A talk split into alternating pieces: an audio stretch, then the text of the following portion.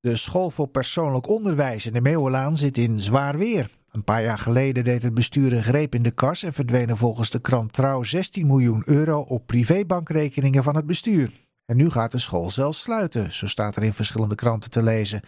Maar dat klopt niet helemaal, hè, mevrouw Kok? Nee, dat klopt niet helemaal. Of althans, het is op dit moment een voornemen van het bestuur om de school in Amsterdam te sluiten. En dan wil ik nog even bij zeggen, dat is dus een ander bestuur. Ja, ja u bent de schoolleider van de school uh, ja. aan de Meeuwelaan, hè? Ja. Kwam dit uh, nieuws voor u als een uh, verrassing? Totaal, ja. Voor u dus ook? Voor dus niet alleen ook. voor de leerlingen nee, nee, en de ouders? Nee, zeker. Ja. Ook voor en mij. waarom was dat zo'n verrassing? Was er nooit iets gezegd van, nou, gaat niet helemaal lekker?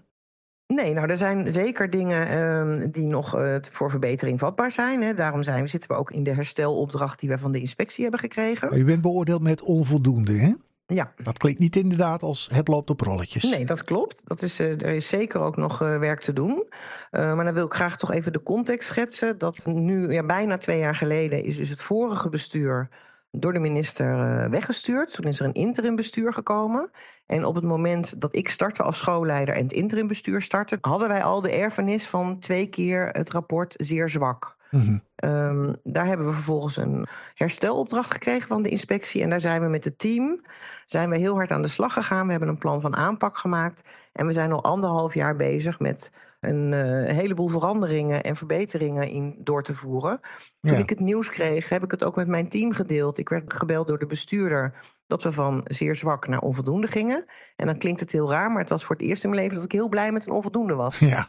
Want Ja. meer, meer was er eigenlijk niet uit te halen na vijf jaar wanbeleid. Ja. Dus onze onvoldoende is natuurlijk een onvoldoende. Maar in de context van waar we vandaan komen, waren wij daar eigenlijk blij mee. Op weg naar voldoende. Zeker, ja, ja. Ja, nou is er ook een eh, informatieavond met de ouders geweest, hè, nadat het eh, besluit bekend was geworden. Ja. Hoe verliep die? Eh, dat was een hele emotionele avond. Mhm. De ouders waren uitgenodigd door de bestuurder. Maar er was zo ongelooflijk veel emotie en boosheid en frustratie. Dat dat, eh, nou, ik kan wel zeggen, niet heel ordentelijk verliep. Ja. ja, er zijn gewoon heel veel vragen bij ouders. Omdat we juist tot nu toe altijd eigenlijk positief bericht hebben. In de zin van, we zijn op de goede weg. Eh, en er nog nooit eh, op dat moment is gesproken over sluiting. Ja, kwam dit bericht als donderslag bij heldere hemel. Ook voor de ouders en de leerlingen. Ja, en hoe is de sfeer op school nu, op dit moment? Eh, nou, de sfeer is eh, heel eh, tweeledig. Hè. Dus aan de ene kant wel ja, een soort van ongeloof en verdriet. Hè. Leerlingen, zeker de eerste dag, waren heel veel leerlingen verdrietig. Ja. Ehm, ook docenten. Ehm, maar intussen is dat wel ja, omgezet in een soort van strijdlust. Ja, iedereen steunt elkaar hierin, zeg maar. Ja. Ja, en het leerlingenaantal is toch ook te laag bij jullie? Klopt. Het leerlingenaantal is ook te laag. En dat eh, heeft ermee te maken dat we natuurlijk bij die bestuurswisseling... er heel veel onrust was en eh, negatieve media-aandacht. Dat dat natuurlijk... Als je, wij hebben een mooi verhaal over het concept van onze school. Maar als je vervolgens gaat googlen, komt er één bak ellende boven.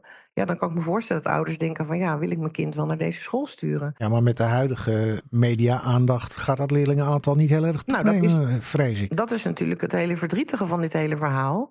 We hadden gisteren de eerste open dag eh, gepland. En die hebben we nu, ik hoop voorlopig, moeten annuleren. Omdat we nu geen duidelijkheid kunnen bieden.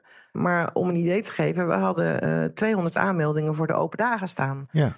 ja, en waar kwamen die eh, 200 aanmelders dan op af? Wat was dan het concept van de school wat blijkbaar toch zoveel mensen aansprak? Wat bijzonder is aan ons concept, is dat wij kleine klassen hebben. Dus wij zijn een gewone reguliere HAVO-VWO-school. eh, met maar 16 leerlingen in de klas. En dat betalen we door een relatief platte organisatie te zijn. Dus wij hebben relatief weinig overhead in de school. En wat ook aantrekkelijk is aan onze school, is dat wij vier lesdagen in de week hebben in plaats van vijf. Het zijn vier lange lesdagen, van tien voor negen tot vijf voor vijf. De lessen duren ook langer bij ons, die zijn 85 minuten. Maar in die les maken de leerlingen al hun huiswerk. Mhm. En die vijfde dag, die vrije dag, dat is één keer in de vier weken sportdag. Ja. Ehm, en wat onze school ook heel bijzonder maakt, is de zorgstructuur. Waarin eh, ja, kwetsbare leerlingen een plek vinden. En dan moet je denken aan leerlingen die eh, bijvoorbeeld angststoornissen hebben of eigenlijk thuiszitter zijn. We hebben een pedagogisch medewerker die op, dat is een apart lokaal, zeg maar. Ehm, en we hebben relatief veel leerlingen met een zorgprofiel. Maar omdat wij zo'n kleine school zijn met die kleine klassen, gaat dat heel erg geleidelijk in elkaar over, zou je kunnen zeggen. Ja, en zijn dat ook de leerlingen waar u zich nu zorgen over maakt als de school mogelijk zou moeten sluiten? Ja, ik maak, nou, ik maak me sowieso eigenlijk voor alle leerlingen zorgen. Want uh leerlingen willen helemaal niet naar een andere school. Dat is heel duidelijk wat ik ook terughoor nu.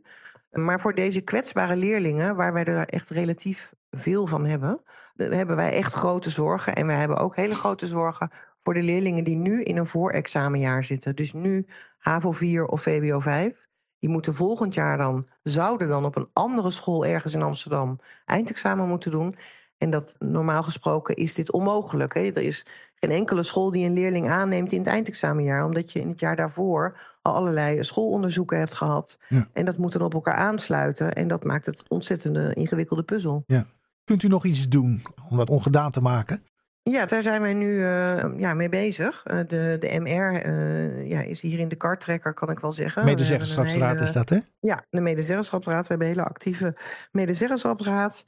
En ja, we zijn nu aan het onderzoeken op welke manier wij dit voornemen nog kunnen laten terugdraaien, zodat de school niet dicht hoeft. En ja, daarbij denken we aan dat de MR en de schoolleiding eigenlijk niet is meegenomen in het besluit om de school te sluiten. Uh, dus dat, ja, we zijn aan het onderzoeken hoe we dat uh, nog kunnen terugdraaien. Ja, nou, veel succes en sterkte voor u en de leerlingen. Nou, heel erg bedankt. Dank u wel, mevrouw Kok. Ja, we gaan ervoor.